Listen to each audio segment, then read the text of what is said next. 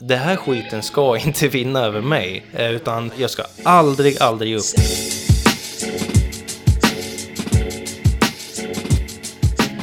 Titus Par. Hello baby. Superkul att du är här. Eh, välkommen till Aldrig upp. Eh, du är ju filmskapare. Kan du gå in lite grann på vad du faktiskt gör när du producerar fram en film? Oj, den här lilla frågan börjar med. Du har Eh, precis. 30 sekunder. 30 sekunder. Ja. Okej, nej men eh, det börjar med att man måste ha ett manus, så jag skriver alla mina manus. Eh, det tar väldigt många år ibland, ibland tar det tre månader. Sen går man med det som producent till en annan producent eller ett salesbolag, oftast internationellt. Eller så får du lite lite pengar från någon instans i Sverige, det finns ju inte utomlands. Så får du en liten startkapital någonstans, du börjar gå och leta lite cast och, du vill ha cast som, eh, som du kan paketera filmen med. Så, att eh, filmen kan få sin budget och göra lite vinst redan där. Då har du gjort en pre-sale. Eh, sen går du och filmar filmen beroende på hur mycket du har råd med. Eh, så sparar du lite till post. Och sen är det klart. Sen är det no, klart. no problemos. Okej. Så är det i en perfekt värld, det funkar aldrig så. Vi, apropå det där perfekt, alltså vi var inne på det lite innan. Eh, för, för att utåt sett så ser man ju färdiga filmer, färdiga resultat. Men alltså hur mycket handlar det om att försöka om och om och om igen och bli kanske nekad alla de här budgetarna och så vidare som man söker? Oj, det är ju tusen procent av gångerna händer det. Ja, ja, Sen har du tur en gång. ja. Men även när du har tur en gång så skiter det sig innan det blir av. Är det ett mirakel varje gång man får till det. Mm, mm. Eh, och det tar minst ett år, verkligen minst ett år varje gång du ska göra en långfilm. Hur hanterar du personligen de här eh, liksom, avslagen hela, hela tiden? Jag firar ju 20 år som filmregissör i år. Eh, bara det är ju bisarrt. Så man har ju fått ganska många nej under de 20 åren. Eh, nu, nu är det lugnt. Det är liksom, jag fick nej idag senast. Två nej idag. Eh, så det är ju liksom, man tar det inte personligt. Mm. Utan det är bara på att nästa, hitta nästa ingång. Inte bara ha ett projekt som du ger allt i, utan ha ett gäng projekt som du kan eh, liksom bygga upp samtidigt och sen, och där är en ingång, testa det, det, ditt projekt passar den här personen. Har du bara en film som du uh, vill ha gjord, då liksom satsar du allt på den. Mm. Och då förstörs ju om du så då kanske du hittar någon producent som letar en action, men jag har bara en komedi. Men om du har alltså fem filmer, ja men det här är typ en action, kan du kolla på det här projektet? Nej det är ingenting, ja men jag har den här också. Så att vara egentligen en filmskapare på det här sättet, det handlar mycket om att kanske ge upp sin drömfilm ibland, liksom, utan man får hoppa på det projektet som säljer in bäst hos studios exempelvis. Gud ja, och i en perfekt värld så är ju alla de här projekten du har ditt, ditt drömprojekt, i mitt fall.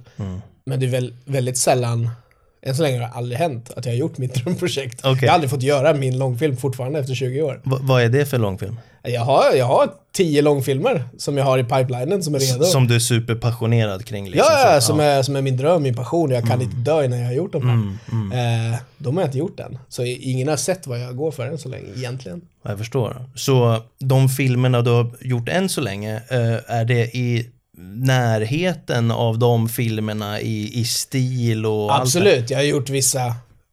Den bästa jag har gjort, som är jag, det är Legend of Dark Rider. Som är en film som alla skrattade åt.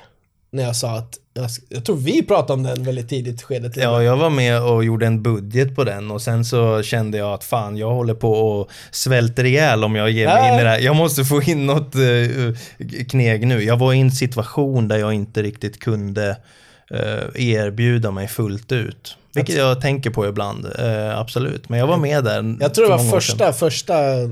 Du var nog en av de första jag ens pratade med dig om. Ja. När jag kom på att jag skulle göra en pilot. Mm. Och ingen fattade, och jag visste ingen skulle fatta vad då göra en svensk barbarfilm i snölandskap. Det blir ju aspajigt. Men jag, så jag bara, ja men jag får väl investera skiten själv då. Så, liksom. Så gjorde jag den och det gav mig min entrébiljett till Hollywood sen. Mm. Och det är det närmsta jag, jag har kommit liksom till vad jag vill ja, just det. visa upp. Just det. Jag var inne på din IMDB och kollade lite grann och då ser jag där Legend of eh, Dark Rider, eller eh, The Dark Rider, Legend of Dark, Dark Rider. Dark Rider. Eh, 2016 eh, tror jag du gjorde klart den Mm. filmen. Ja. Sen ser jag ju att 2019 så ska det komma ut en till och då antar jag att det är långfilmen. Är det så? Ja, nu... Eller? nu ja, det är det. Ja, Nu rör du dig farligt vatten, eller vad jag får säga. ja okej. Jag kan klippa bort om det blir för länge. farligt. nej, nej, men den, är, den finns ju på IMDB liksom. Ja. Och, och den eh, har ju varit så nära typ tio gånger att bli Okej, gjord. okej, okej. Och nu är den också väldigt nära, men nu är vi ett legal battle på den som jag inte Aha. kan säga så mycket om. Ja, jag förstår. Eh, men eh, vi hoppas göra den nästa år. Ja, fan vad roligt. Man- Ja, man behöver inte sätta någon tid på det så. Jag bara såg att det var på Jo, G. den är, Eh. den är planerad till nästa år. Ja. Men det kan fortfarande skita sig folks. Verkligen. Det gör det nästan alltid. Jag blir förvånad när saker inte skiter sig. Ja, jag förstår. För nu skulle vi slänga ut, eh, vi har tre skådisar vi skulle, som jag har snackat med, som är väldigt stora skådisar, som skulle ge pengar och då vart det någon legal skit liksom. Okej. Mitt i allt som jag inte kan påverka. Ja, Så ja. det är bara sitta och vänta vackert Ja, några månader tills. Jag förstår det. Jag Sen förstår. förhoppningsvis kommer det funka Ja. efteråt. Ja. Ja men jättekul. Vi, vi ska gå in lite mer sen på, på dina filmer tänkte jag och sådär. Eh, men innan vi, vi springer iväg från det förra så. Eh, alltså något som jag undrar över. För att som sagt vi pratade med varandra för flera år sedan. Eh, och vi, jag kollade på ditt projekt och så här. Och försökte hjälpa till så gott jag kunde då utifrån de förutsättningarna jag hade Ja, då. Eh, men jag är intresserad av att veta liksom hur du har navigerat dig fram på något sätt. Jag menar, du, du har ändå gjort filmer i Hollywood, du har jobbat med Steven Seagal, du har gjort massa grejer, du har massa grejer på gång. Eh, för det, det kan jag känna är svårt ibland, den här, alltså att navigera sig fram i rätt riktning och komma åt eh, rätt håll. Det är en utmaning säkert för alla, men jag undrar lite grann ungefär hur du har gjort. Navigeringen, Ja, på något det är sätt. ju liksom, man måste känna do or die verkligen. Man, du får inte vara, man får inte tveka en enda gång. Man får hoppa, man får göra bort sig. Asmånga gånger och så får man misslyckas och så får man, ja, okej det där var ju dåligt sätt att göra det på. Och så får man bara fortsätta tills man hittar rätt någonstans. Och i mitt fall, varför det tog så lång tid var för att jag inte hade gjort någonting bra på så länge. För jag ville ha de här riktiga budgeten, jag ville ha de här liksom för jag gjorde en lång, min sista långfilm, som var min femte långfilm egentligen, 2000, när jag var 19 år gammal. Och då hade jag gjort den för 15 000 spänn, vilket var min största budget. Och Jag bara, jag kan inte jobba så här, jag kommer ingenstans längre. Nu ska jag ha mina miljonas. Nu har jag gjort fem långfilmer, jag har vunnit bästa filmpriser och la la la. Nu jävlar ska jag ha pengar, men det var ingen som gav mig pengar. Nej. Så då slutar det med att jag hamnar i reklamfilmsfällan istället, för där tjänar jag lite manis. Men det tar ju också upp hela dagarna. Liksom. Mm, mm. Samtidigt som jag på kvällarna jobbade på mina projekt, skrev mina manus. Men eh, så fick jag in en liten fot genom eh, Dragomir Mircek från Gago i Snabba Cash. Eh, och han satte mig i kontakt med en producent i Hollywood Mm. som gillade mitt manus väldigt mycket. Och det, var en, det är en film jag inte har gjort än så länge, vad det vi skulle ha gjort. Ja, liksom, det är allt, alla de här grejerna var en slump. Ehm, och han sa det då att, ja men du har inte gjort det här, du har inte gjort, du har gjort lite coola musikvideos och sånt på sistone, men du har inte gjort någon filmfilm som gör att jag kan visa dig för en Investor. Mm. Även fast du har ett bra manus, jag gillar dig, vi har haft schyssta möten och så här. Du måste visa någonting. Och då hade jag ju den här Dark Rider på gång. Jag bara, "Ja, men vi, vi- vi släpper eh, snart en trailer på den. Och så släppte jag trailern till Legend Dark Rider och vart en jättehit direkt. Ja, ja. John Carpenter såg den och någon bisarr, han som har, Just det, det minns jag. Jag tror du postade det. Ja. ja han som eh, har regisserat eh, The Thing och Halloween och så. här. Han gillar den. Och då bara wow! Och så fick vi så här 19 000 views på en vecka eller någonting sånt. Mm, mm. Och då skickade jag den till han och sa ah! Det här ser bra ut. Mm. Eh, ge mig lite tid. Och då skulle vi göra den filmen då. Men så hörde han av sig och sa, men allt hände ju genom slumper och det var ju liksom inte mitt projekt att jag skulle göra en Steven Seagal-film. Det var ju för mig helt otänkbart.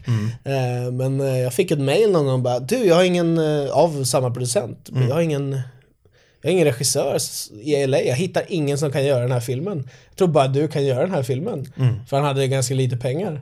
Och han visste att jag kunde göra mycket. Han, hittade, han hade kollat hela LA liksom, han hittade ingen som kan klara. Nej. Han tänkte väl, ja men han är väl dum nog att göra det. Så ja, det hade han ju rätt. Så ja men då är det klart jag tackar ja till den. Ja. Hur, hur var det att, för jag tänker, när jag tänker Steven Seagal, den första film som dyker upp, då är det underbelägring. Kommer ihåg när jag var liten, jag tyckte den var så jävla bra, jag sett den massa gånger.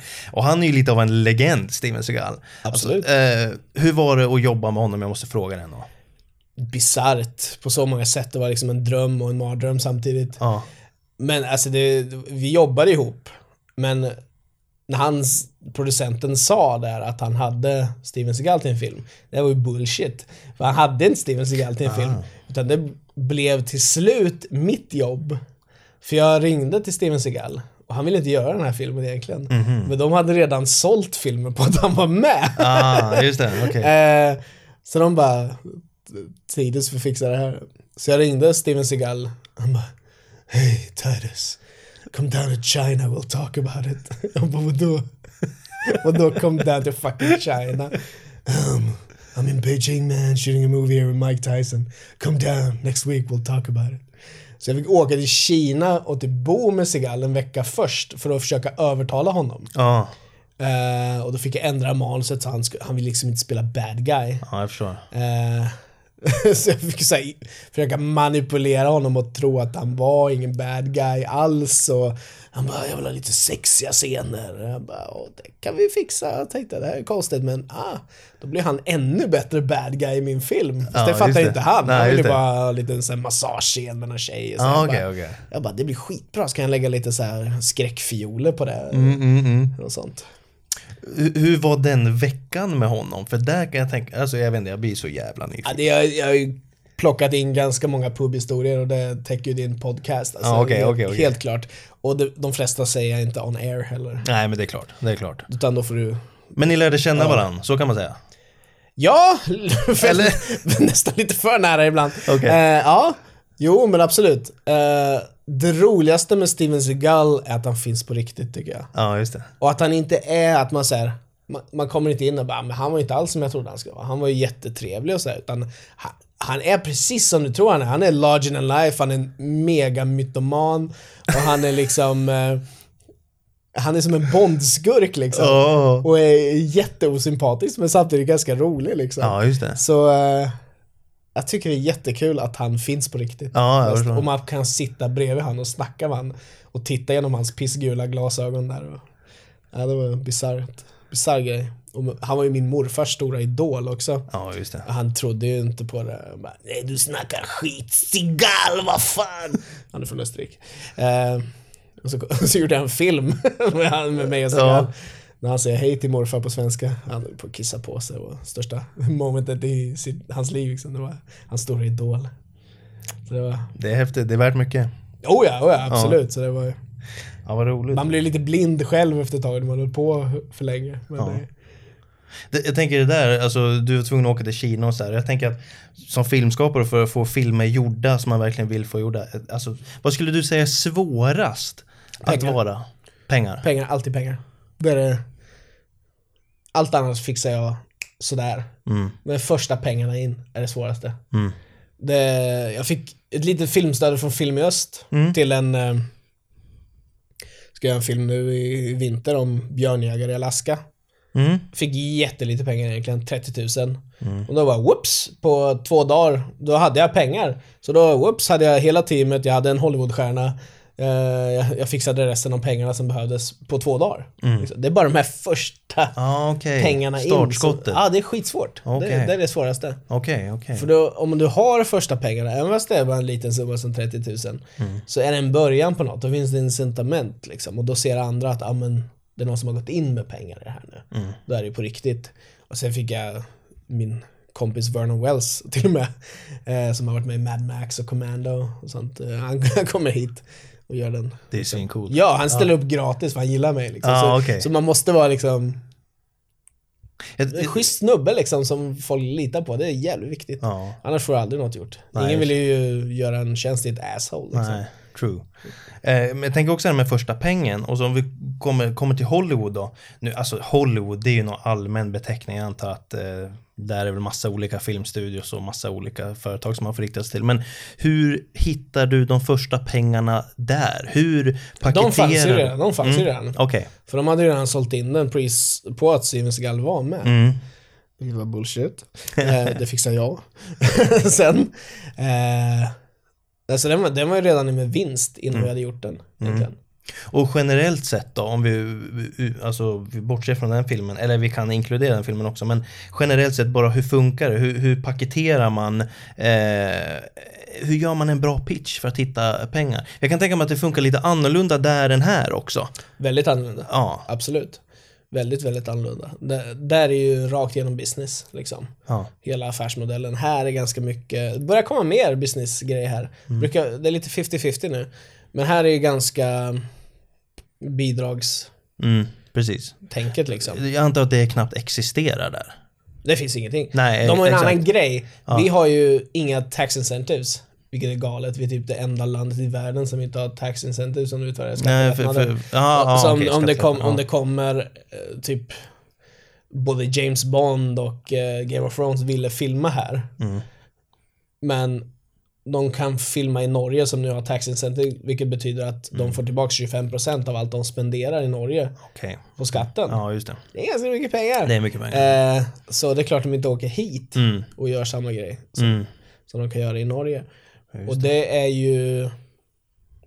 Alltså man kan tro, "Åh, vadå ska jag slänga tillbaks 25%? Men det är ju liksom 25% av det de spenderar i landet. Mm. Så det är ju, de anställer ju massa folk.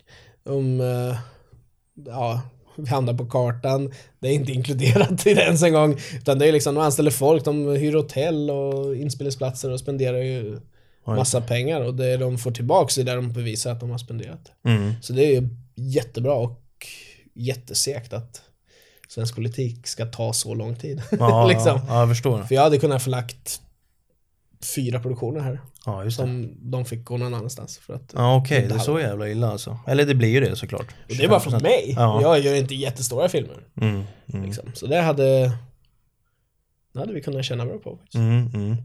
Men har du stått på någon studio i Hollywood? Alltså jag har inte varit där själv Nej. producerad, så jag vet inte exakt hur det funkar. Men har du varit där och liksom, jag antar att man pitchar in inför några producenter, det här vill jag göra. Eh, Nej, det har jag faktiskt inte gjort. Jag har ju en, eh, en ganska stark manager i, i LA. mm, eh, Zero Gravity Management som har typ Dolph Lundgren och Kevin Costner och lite så. mm, mm. Eh, så det är de som sköter mina pitchar nu. Ja.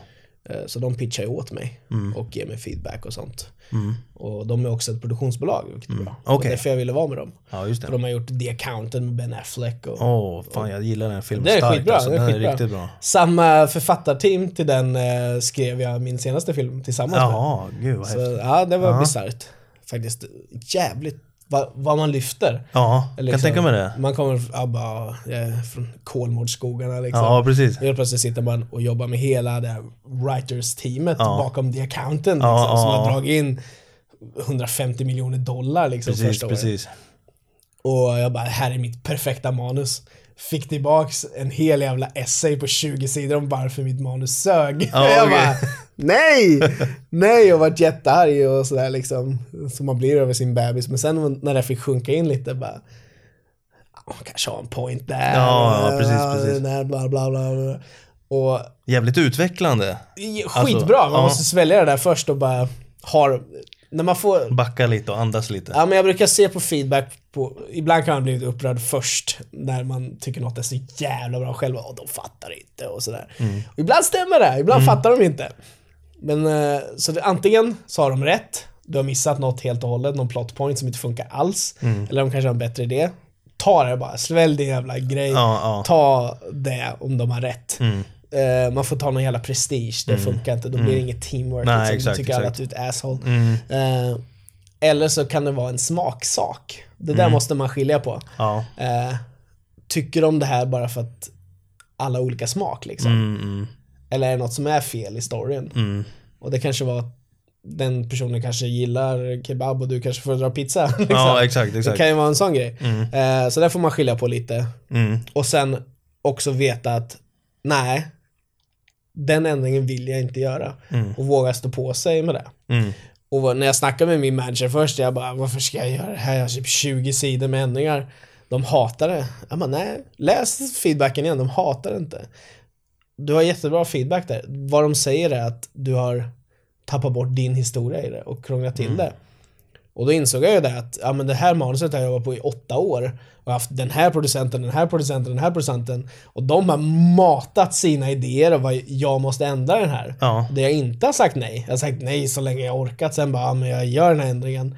Och så har inte filmen blivit av. Mm. Och då är ju alla de här ändringarna kvar till slut. Mm. Så då bara, ah.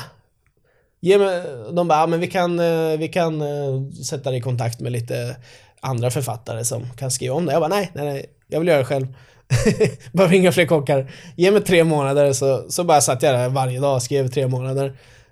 Skickade tillbaks det och bara, wow, nu är det bra. Mm. Här har du tre sidor med ändringar.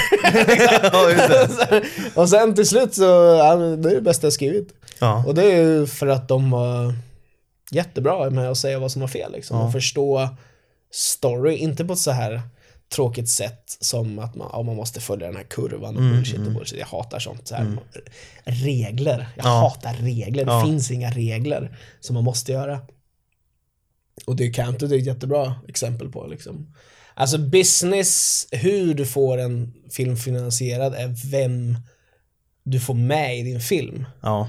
Det är också det som är catch 22, är att du får aldrig en skådis om du inte råkar springa på någon och du, du typ här har lite kokain och en drink, vill du läsa mitt manus? Händer aldrig. Eh, eller någon säger att jag är kompis med den här killen, du kan få läsa det. Händer aldrig heller, också bullshit. Eh, du får aldrig förbi manuset för agenten innan du har pengarna. Okej. Och du får aldrig pengarna innan du har skådisen. Ja, just det. det är det som är det svåra alltid. Så det är jävligt mycket relationsbyggande. Väldigt mycket, väldigt mycket. Och eh, så jag lyckades paketera en film nu med några starka skådisar som jag har kontakt med. Mm. Som jag gick först till agenten, ville, här, de kommer hata det här. Sen bara, fan jag har den här, jag har de här mailadress. Så jag smög in den där, de bara, fan det här är skitbra. Snacka med min agent, ja men vad ska jag göra? Skriv dig ett mail till mig först bara, så smussla in det. Så man får vara lite ful också. så Ja, här. just det. Just det. Eh, för att, för att få det Så, så det är så du gör, du paketerar liksom, de här skådisarna har vi, det här kan vi åstadkomma. Eller liksom, vad är din eh, approach på det där? Det är olika för varje projekt. Jag, vet, jag försöker bidra med så mycket jag kan. Mm. Det har jag lärt mig, ingen kommer någonsin göra något åt dig. Du Mm. måste göra det själv. Fast jag har jättestor management där, jag har en agent i Stockholm och så vidare. Det är ändå jag som måste göra allt grovjobb. Ja, Liksom. Det, du får aldrig något levererat. Nej, man kan inte förvänta sig någonting. aldrig hänt. köra. Det har inte hänt på 20 år. Nej. Det är bara den här Steven Seagal-filmen som blå, och, Ja, och så ett författarjobb jag fick nyligen Okej. i Florida. Annars gör jag allt själv. Ja, okej, grymt.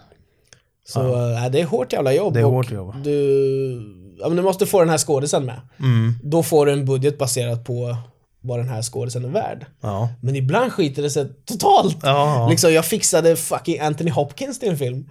Eh, Oh. och det var ingen som ville ha han. Nej. Jag bara what? Vadå inte? Anthony fucking Hopkins! Ja. Han skrev ett jättegulligt mail till mig. Jag Jaha. bara... Ja, nej. Det var ingen som ville ha Anthony Hopkins. Varför vill de inte ha Anthony De Hopkins? gillar inte äldre skådisar. Jag Okej. skriver ibland, typ hälften av mina manus, jag gillar äldre människor. Mm. Jag tycker äldre karaktärer är mycket intressantare att skriva. Ja. Så hälften av mina manus har en huvudroll i en högre ålder. Mm. Och det här var en av dem då. Och eh, han ville ha en miljon dollar. Mm. Eh, och jag hittade ingen att täcka det faktiskt. Jag Okej. bara, no, we don't want old people. Aha. Jag bara, Trots att här är han... ingen, Ja. ingen old people. Nej. Men samma, jag hade Pacino på gång också. Det var samma sak där nästan. Wow. Fy Galet. fan. Galet. Bisarrt vilka man pratar med också. Ja. Men eh, ännu bisarrare att man inte får, får pengar för de här ja. Det kommer. jättelegenderna. Det kommer. Du verkar vara bra på att hitta kontakter. Uh, alltså du är bra på att nätverka egentligen i, i Hollywood, låter det som. Ja, jo men det, det antar jag. Ja, ja, ja. Vad är största skillnaden mellan den lokala eh, filmbranschen vi har här och Hollywood förutom budgeten, förutom pengarna? Det är också en grej att man tror är Hollywood och det är så stora budgetar. Det stämmer inte. Mhm. Jag hade mindre pengar på min Hollywoodfilm än vad Crazy Pictures hade för sin film. Mm. Liksom, det är en... eh, Det är bara en myt. Och mesta delen av pengarna går till skådisar. Ja, okej. Jag menar, jag hade f- bara 1,8 miljoner dollar till min Seagal-film och då var det väl typ 15 miljoner.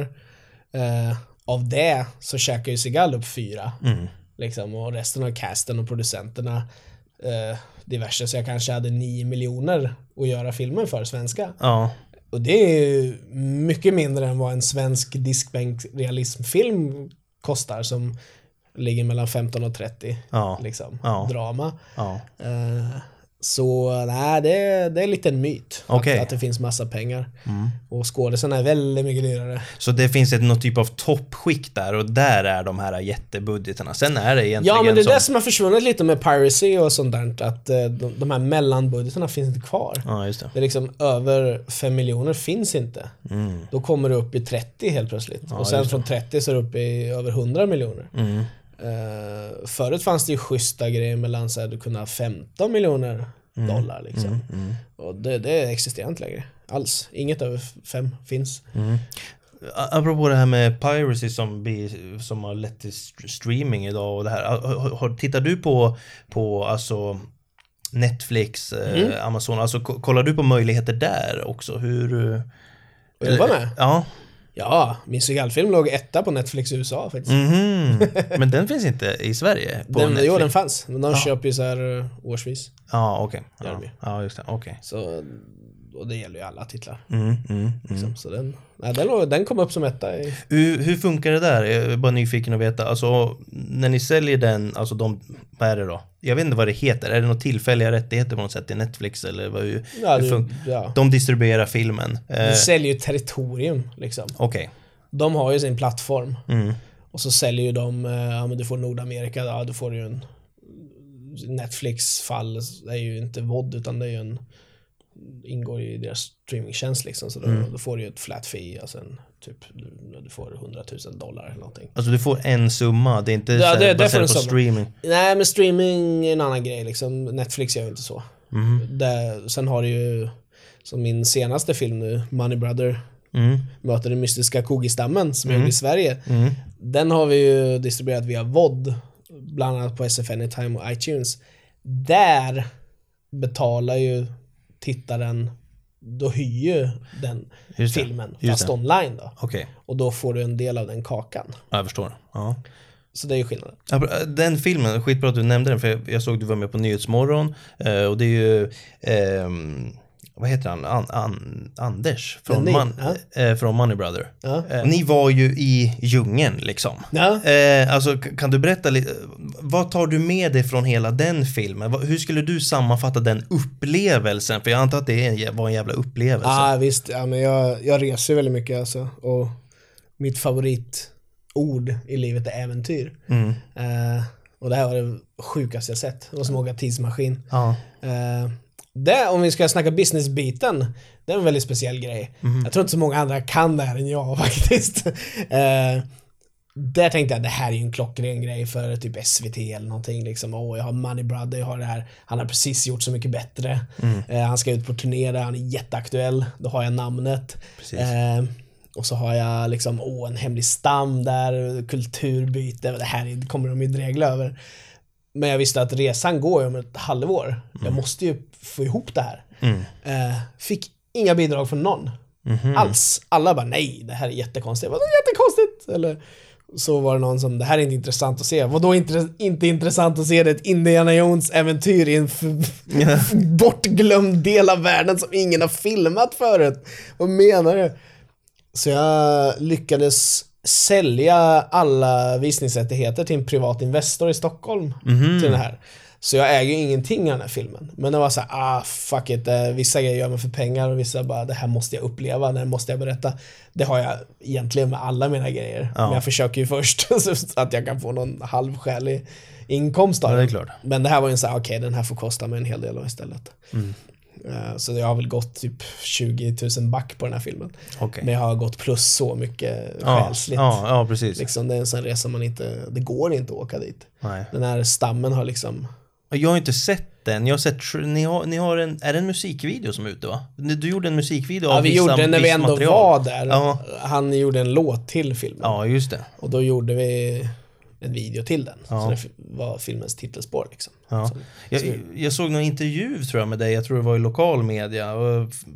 Du pratade om den där. Jag har för mig att det, det hände ganska så allvarliga grejer. Eh, Ja, det var ganska, ganska farligt. Ja, film, ja, vi höll på att dö tre gånger faktiskt. Men jag gillar sånt. Faktiskt. Jag utsätter mig gärna för sånt och då, då är det på riktigt. Jag älskar att göra film. Jag hatar att göra film i studio. Mm, mm, Eh, det är så safe. mm, Det är så sterilt. mm. Eh, jag vill ut där du får så mycket gratis som du inte kan bygga i en studio. De här känslorna, hur det luktar och du utsätter dig för riktigt svår fara i elementen. Det kan börja regna helt plötsligt. Mm. Vilket gjorde där vi höll på när vi skulle dit. Så vi började värsta monsunregnet jag sett och vi står ju på alla bilflak liksom Ja. genom djungeln i tre timmar. En av bilarna crashar så vi får klämma ihop oss sju pers på det här flaket. Ja, Eh, håller på att ska upp för en uppförsbacke men det regnar så mycket så det kommer som en flod mot oss. Och börjar skjutsa den här bilen mot ett så här 30 meters stup. Men han börjar sladda bilen och bara, lyckas komma därifrån. Och vi hade ju bara skitkul. Herregud. Vi bara det. Så det var en nära döden upplevelse. Vad var de precis. andra två? Ja, sen fick jag någon spännande djungelsjukdom där. Eh, så jag kunde inte gå ett tag. Och eh, var den tredje? Ja, det, också bilen. Då satt jag, satt jag i med all utrustning i bilen var en spanjor som körde. De, de kan köra bil på ett helt annat sätt där i djungeln. Liksom. Ja. Det är ju djungelboken djungel Ja, som du kör bil i, en jeep. Ja. Så hör jag alla på flaket bara Fy fan hoppa av! Jag bara Vadå? Ja. Han bara bla bla bla bla bla bla bla bla Jag kan inte spanska alls. Jag bara Habla va?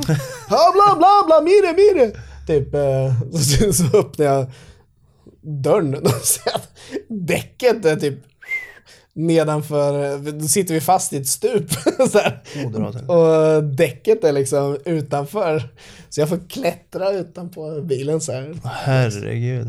Men jag har varit på väg att bli uppäten av hajar och grejer. Så det Ja, okej, det med. Ja. piece of cake man. Men eh, jag, som tänk, jag som har lite grejer, så här, hur, hur gick det att filma där? Alltså, det måste varit kameror som gick åt helvete flera gånger om. Alltså. Eh, nej, vi klarade det ganska bra faktiskt. Ja. Vi, vi valde utrustning med, Ja.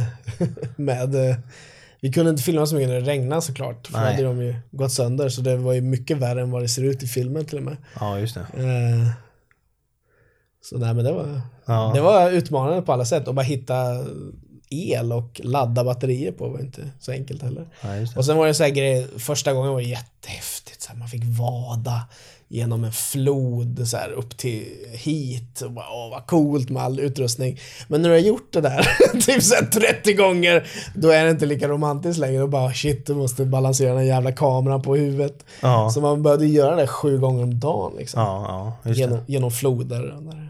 Fy fan. Men vilken jävla upplevelse. Ja, inget slår den. Det, det är en sån grej som ingen har upplevt. Ehm, nu vet inte jag om jag kommer vara ute på djupt vatt- vatten här, men eh, jag tänker på Dragomir Mirsic. Man säger så va? Mirsic. Mirsek tror jag. Mirsek. Mirsek, okej.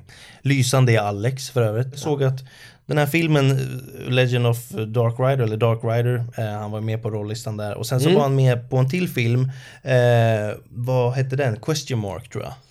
Det var den som, eh, som han introducerade mig till den här Ah, Hollywood-producenten okej, för. okej, okej. Så det är många av de här som, som inte blir av, men jag ger ju aldrig upp på dem. Nej, jag förstår. Jag Liksom, förstår. utan de ligger där. Skitbra. De är ju de är färdig, de är färdigpaketerade. Jag har ju pack, jag har cast, jag har allting färdigt. Jag Mm. behöver bara hitta rätt ingång. Då bara, woof, här. Mm, inte så här, ja, men ge mig två månader så jag skickar utan Jag, jag har det redo att skicka.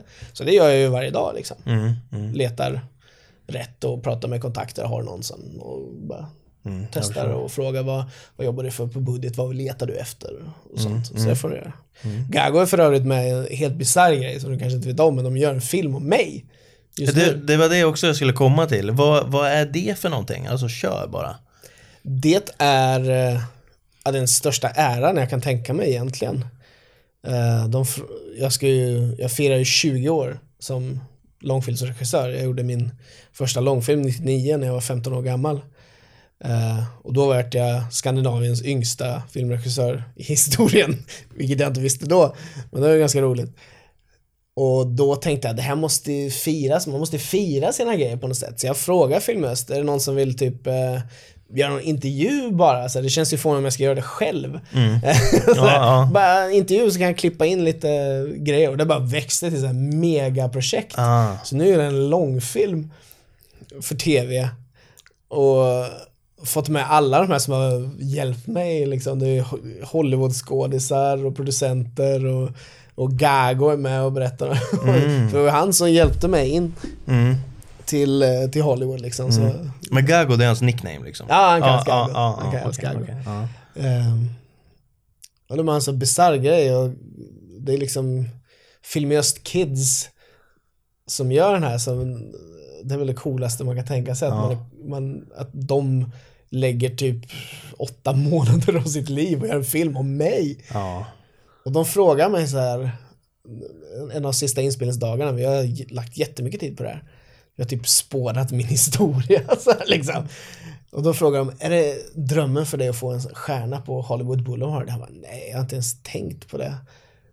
Men det, det, det är ju det här som är drömmen. Mm. Jag gör ju film och ni gör en film om mig. Det är ni som ger mig drömmen nu, så det är en sjuk ära alltså. Ja, Jag förstår det. Och, för jag har en ganska unik resa mot Hollywood. Ja. Liksom, jag är den, jag är den första i min generation som kom dit och gjorde en film. Mm. Sen kom ju Kang Fury och han Lights Out som har samma namn av någon bisarr anledning. Mm.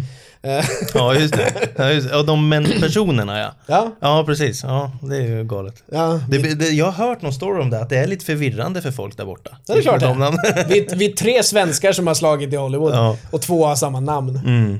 Det är bara bra för mig. Ja, Det finns ju bara verkligen. en Titus Ja, Bar. exakt, exakt. Från att du, var, du gjorde din första eh, långfilm eh, på, vad sa du, 15 Ja, 000 kronors budget. Till den, att, ha- den hade tre. 3000, okej, okej, okej. Ja, eh, men till att där du är idag och vad, vad du gör idag liksom. Jag antar att du känner att du fortfarande är inne i någon kon, konstant resa och, och försöker bara utvecklas. Men vad har du, vad är det viktigaste du har lärt dig? Eh, det finns tusen saker, men spontant sett. Alltså, nu har jag på i 20 år. Jag har gjort mer film än någon nästan i min ålder. Och jag tycker inte jag har uppnått någonting faktiskt. Eh, Jag har inte visat det här vad jag, vad jag kan riktigt än. Så just you wait. Men vad det bästa jag har lärt mig är att fira de bra stunderna. Och håll kvar den glöden inom dig. För det kommer, om du ska vara entreprenör, du ska starta eget, du ska, om du vill bli film eller whatever liksom, om du vill göra film. Du måste vara galen nog att kunna gå i graven för det.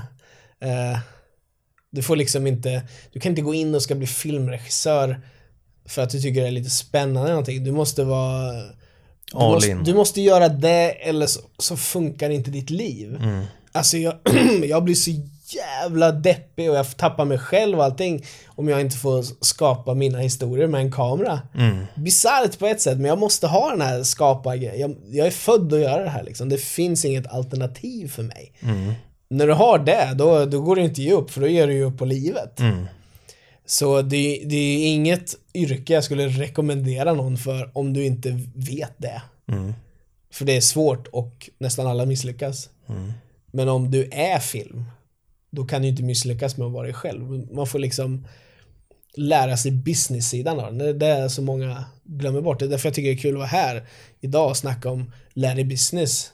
För det fattade inte jag förrän jag flyttade till Australien eh, och lärde mig att oj, film är ju en industri faktiskt.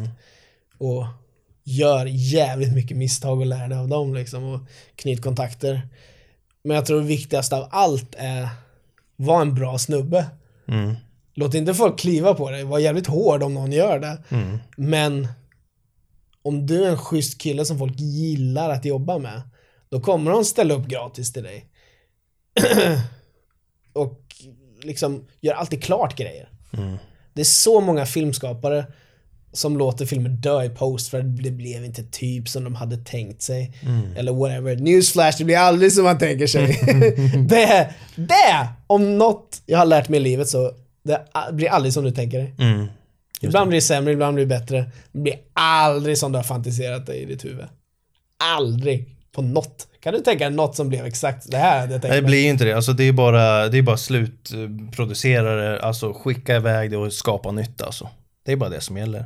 Eh, för, för, för, för mig också är det viktigt att komma, få något typ av tempo också i saker och ting som man gör. Och jag tror att genom att släppa saker till slut, då kan man bibehålla någon typ av tempo.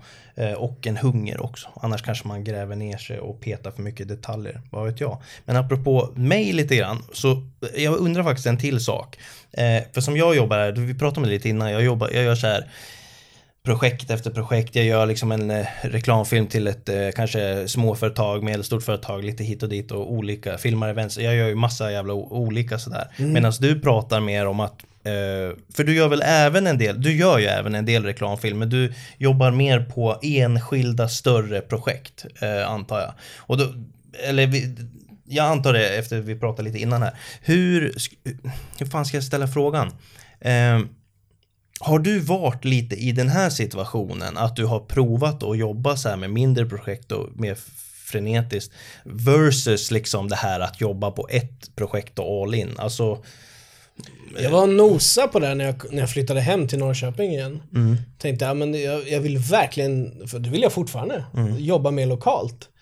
Så jag letade upp några som tänkte, ja men det här är lite stora players. Mm. Liksom, man behöver inte så mycket pengar. De här, alla tror att ja, men det kommer kosta miljonas. Det kostar inte miljonas men man vill ha en lite skälig budget. Mm. Så jag träffade en en av de mest spännande entreprenörerna här i stan och hade ett möte med han. Ja, du fixade en rätt schysst budget på typ 300 000 tyckte jag var jävligt skäligt. Och visade mig en film så här, ja. Jag bara, helt okej. Bara, Nu gjorde jag för 5 000, en kille. Och tänkte jag bara, jag kan inte konkurrera med 5 000. Ska jag säga, jag gör för fyra nästa.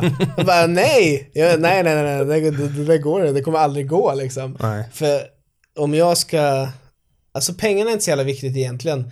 Det viktiga för mig är att om jag har mitt namn på någonting ska det bli jävligt bra. Mm.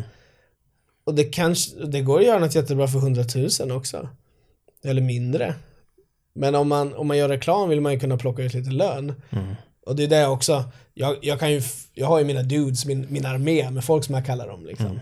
Som är mina troops och de verkligen krigar för mig. Men jag kan inte riktigt få dem att kriga och gå in typ och göra en hel reklamfilm för 500 spänn. Jag kan få dem att göra en långfilm nästan gratis. För att det är det man vill göra, men när det kommer till reklam och sånt, då vill ju folk ha betalt. Mm. Och då behöver man få en lite skälig peng. Mm. Då börjar man komma upp i de här sexsiffrorna liksom. Vad är ditt, eh, det här kan, jag vet inte, jag, jag ställer frågan bara rakt ut. Vad är ditt tips till mig? Du är ju en, en erfaren filmskapare, gjort massor med långfilm, kortfilm. Jag, mitt för, företag heter Filmvision och det är egentligen ursprungligen att jag vill så småningom jobba med spelfilm, alltså kortfilm, långfilm. Men jag har i min naiva men, syn på saker och ting så vill jag att Filmvisionen då så, ska gå så pass bra så att jag själv kan eh, skicka in pengar i mina spelfilmsprojekt. Det är liksom lite min eh, framtida vision. Vad är ditt råd till mig eh, idag om jag vill hålla på med film men är i den här situationen? Då jag behöver få in pengar Jag, jag till fattar hyran. din plan, Ja, jag kan säga rakt nu, det kommer aldrig hända. Okej. Aldrig hända. För du kommer bli så glad när du väl får in lite pengar att du kommer inte skicka in något långfilmsgrej. Vad jag tycker egentligen för allas del är att lägg tid nu när du inte har något annat. Lägg en timme om dagen, skriv ditt manus. Skriv det jävligt bra.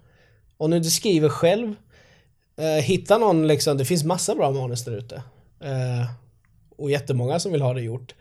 Partner ihop, hitta ett manus som du verkligen, det här vill jag göra. Eller skriv det själv. Jag har skrivit en del, men det var, det var länge sedan nu. Jag har fokuserat på filmversioner på senaste tiden, så kan jag säga. Ja, men, de här eh, långfilmerna pratar vi om. Ja, precis. Är det något du vill skriva själv då eller? Ja, det vill jag skriva själv, men eh, jag är fullt redo att ge mig in i processen tillsammans med andra, där jag kanske bara sköter en annan del, exempelvis kamera. Men vad vill du? Vad är, vad är? Jag vill skriva och regissera. Ja, Det är vad jag vill men göra. då måste du börja från rätt vinkel då. Du, du behöver sätta dig en timme om dagen minst och skriva ditt manus. Mm, Och lägga det här året på det. Liksom. Det räcker med en timme. mm, En dag kanske du bara tittar på det här och bara och så skriver du ett helt dygn och bara undrar vad som hände och du bara fick feeling. mm, Eh, men eh, med manusskrivande, det svåraste är att börja. mm. Och, och man går där, det är också, det har jag skrivit så länge nu, så man går så här, åh, jag känner inte inspirationen idag. Åh, hur ska jag, jag måste vänta på inspirationen. Allt det där är bullshit. Ja, ja. Inspirationen kommer aldrig. Inspirationen, vet du när den kommer? När du sätter dig och börjar skriva och känner att ah, men nu börjar det bli spännande. Mm. Då, du måste träna upp att få den inspirationen av att bli kåt på det här du Verkligen. skriver. Bara, åh, det här, åh, så kan, åh, så kan jag regissera det så här. Och, så. och, alltså, Och få åh. in det i min rutin, tänker jag. Ja, Också, absolut. ja. En timme räcker. Mm, mm, Försök skriva, eller skit i timme, ha som mål, jag ska skriva fem sidor om dagen, det brukar jag ha. mm. Skriv fem sidor om dagen. Då har du den pressen. Du kanske går, du kanske skriver fem sidor på en timme, någon dag du kanske tar fem timmar, en annan dag du kanske tar en halvtimme, en annan dag. Det vet man inte, men om man har, om du har massa annat att göra så du ska ha fem sidor på en vecka. Mm, mm. Precis. Då har du det som mål. Mm. Du behöver inte skriva helt, för det blir så stort. Ja, det är det som precis. är kontra vad du gör, korta reklamfilmer, snabba jobb, kontra de här som tar minst ett år att filma Mm, och mm. göra post på. Eh, så fixa manus först, sen, eftersom att du inte har gjort en film förr, långfilm, så är det svårare att få det där. Mm. Gör, sno min Dark Rider-grej, gör en liten pilot. Mm. Det behöver inte vara som Dark Rider 20 minuter. Det kan vara liksom en, en mood trailer. Att du typ lägger, Ja, lägger en vecka på att filma sju assnygga klipp. Mm. Och blandar det med texter eller liksom en voiceover eller jag vet inte vad du vill göra för film. Men vad, du- vad som passar. Precis. Liksom, men man behöver visa att man kan göra något som är visuellt jävligt häftigt och skapa känslor hos folk. Mm, mm. Folk vill se lite av den här, vad det kommer bli. Precis. Då har du ett helt annat vapen. Så man kan sammanfatta det med något gammalt citat som jag hörde när jag pluggade. Det är ju att inspiration är för amatörer, har jag hört. Det ligger lite i det. Det är bara, att absolut. det är bara, Aldrig bara göra. men det- Ja, Ja. det stämmer. Ja, eh, vill du lägga till något? Nej men, eh, ge inte upp. Liksom, Verkligen. kör. Om det är din dröm. Jag har många drömmar. Jag har många men- drömmar. Ja, men hitta den, eh, den som är viktigast. Mm. Nej, men jag, jag har ju ingen plan B så. Det är inte så jag ser utan jag ser Nej. allting som en stor plan. Jo, men du hade också väldigt många andra grejer. Jo, alltså jag vill göra spelfilm, jag gör kortfilm, jag vill, jag vill driva filmvision och göra det till ett framgångsrikt företag. Alltså det är ju, ja det är ju, det är ju spretigt i sig bara det, men för mig så är det i en stor, lång plan. Men ibland så kanske de här stor, det här sista stora målet behöver man dra ner lite närmre. Det är Nej, men du måste börja beta upp det i baby steps. Det. Mm, när det är det här stora, nu, du är redan här uppe i molnen. mm, Eh, men om du tar en liten del av det här målet, okej nu ska jag göra det här den här veckan av det här stora projektet. mm. Då har du gjort en bit, då är du på väg. Ja, precis. sen till slut tar det här, då har du plockat Exakt, ner målet. Exakt. Då då har du, då har du, men du måste börja någon gång. Ja, det är du kan klart. inte sitta och bara, oh det där, det där, så det är en dag, en dag är idag. Ja, verkligen, verkligen. Ja, nej, för mig har det varit att jag, jag har valt eh, under en period att bara fokusera på filmvision. Eh, sen har jag allt sin tid, men eh, det är klart att jag måste plocka Men ner du kan göra molnet. båda. Det där är någon svensk grej, eller världslig grej överhuvudtaget. Folk tror att man bara kan en sak. Mm. Ja, Jag, jag tror inte alls det, men jag kommer tillbaks från en ganska, alltså jag har ju ett förflutet och jag, så jag gör vad jag känner att jag behöver göra, vad jag kan hantera eh, i mitt liv just nu. Ja. Eh, och sen så by- bygger jag på det. Så jag har en plan, men jag pushar mig själv. Ja, svårt att förklara, men eh, Nej, men det ska byggas på lust ja, ja. också. Du ska ju, du ska ju, wow, det här Ja, är kul. ja, liksom. precis, precis. Du får ju göra det till din hobby. Ja, Filmvision är ju ditt jobb. ja, precis. Ja, exakt. Så då får du ju, ja men ja, en timme om i veckan eller någonting eh, gör jag min hobby. Mm. Och sen blir din hobby eh, lite mer och mer och mer och mer. mer. Kanske blir ditt jobb en dag. Mm, mm, Det vet man inte. mm, mm. Men eh, det är inget att gå och vänta på om man verkligen, verkligen vill det. Nej, nej, gud nej. Men nej, det var ju som jag sa förut. Man kan inte säga oh, göra långfilm, det är lite halvspännande. Det måste vara BOOM! Mm. Eller inte göra det alls. Det är mycket svårt alltså. Mm, mm, mm. Men gör, gör ett jättebra manus, gör en pilot. Och sen kan du skicka runt det till lite folk. Mm, mm. Ja, precis. Jag kan läsa ditt manus och ge dig väldigt, ge dig din 20 sidor essay om du behöver det. Ja, jag skickar, jag skickar gärna. Jag läser inga andras manus, jag hatar att läsa andras manus. Men din kan jag läsa. Ja, jag uppskattar det. Och jag uppskattar att du kom. ehm, du har mycket att berätta, mycket erfarenhet. Trots en ung ålder så har du gjort jävligt mycket i film. Eh, Och jag, jag hoppas att du får fortsätta på din eh, framgångssaga här och, och att du får skörda frukterna med tiden också. Eh, We only just begun.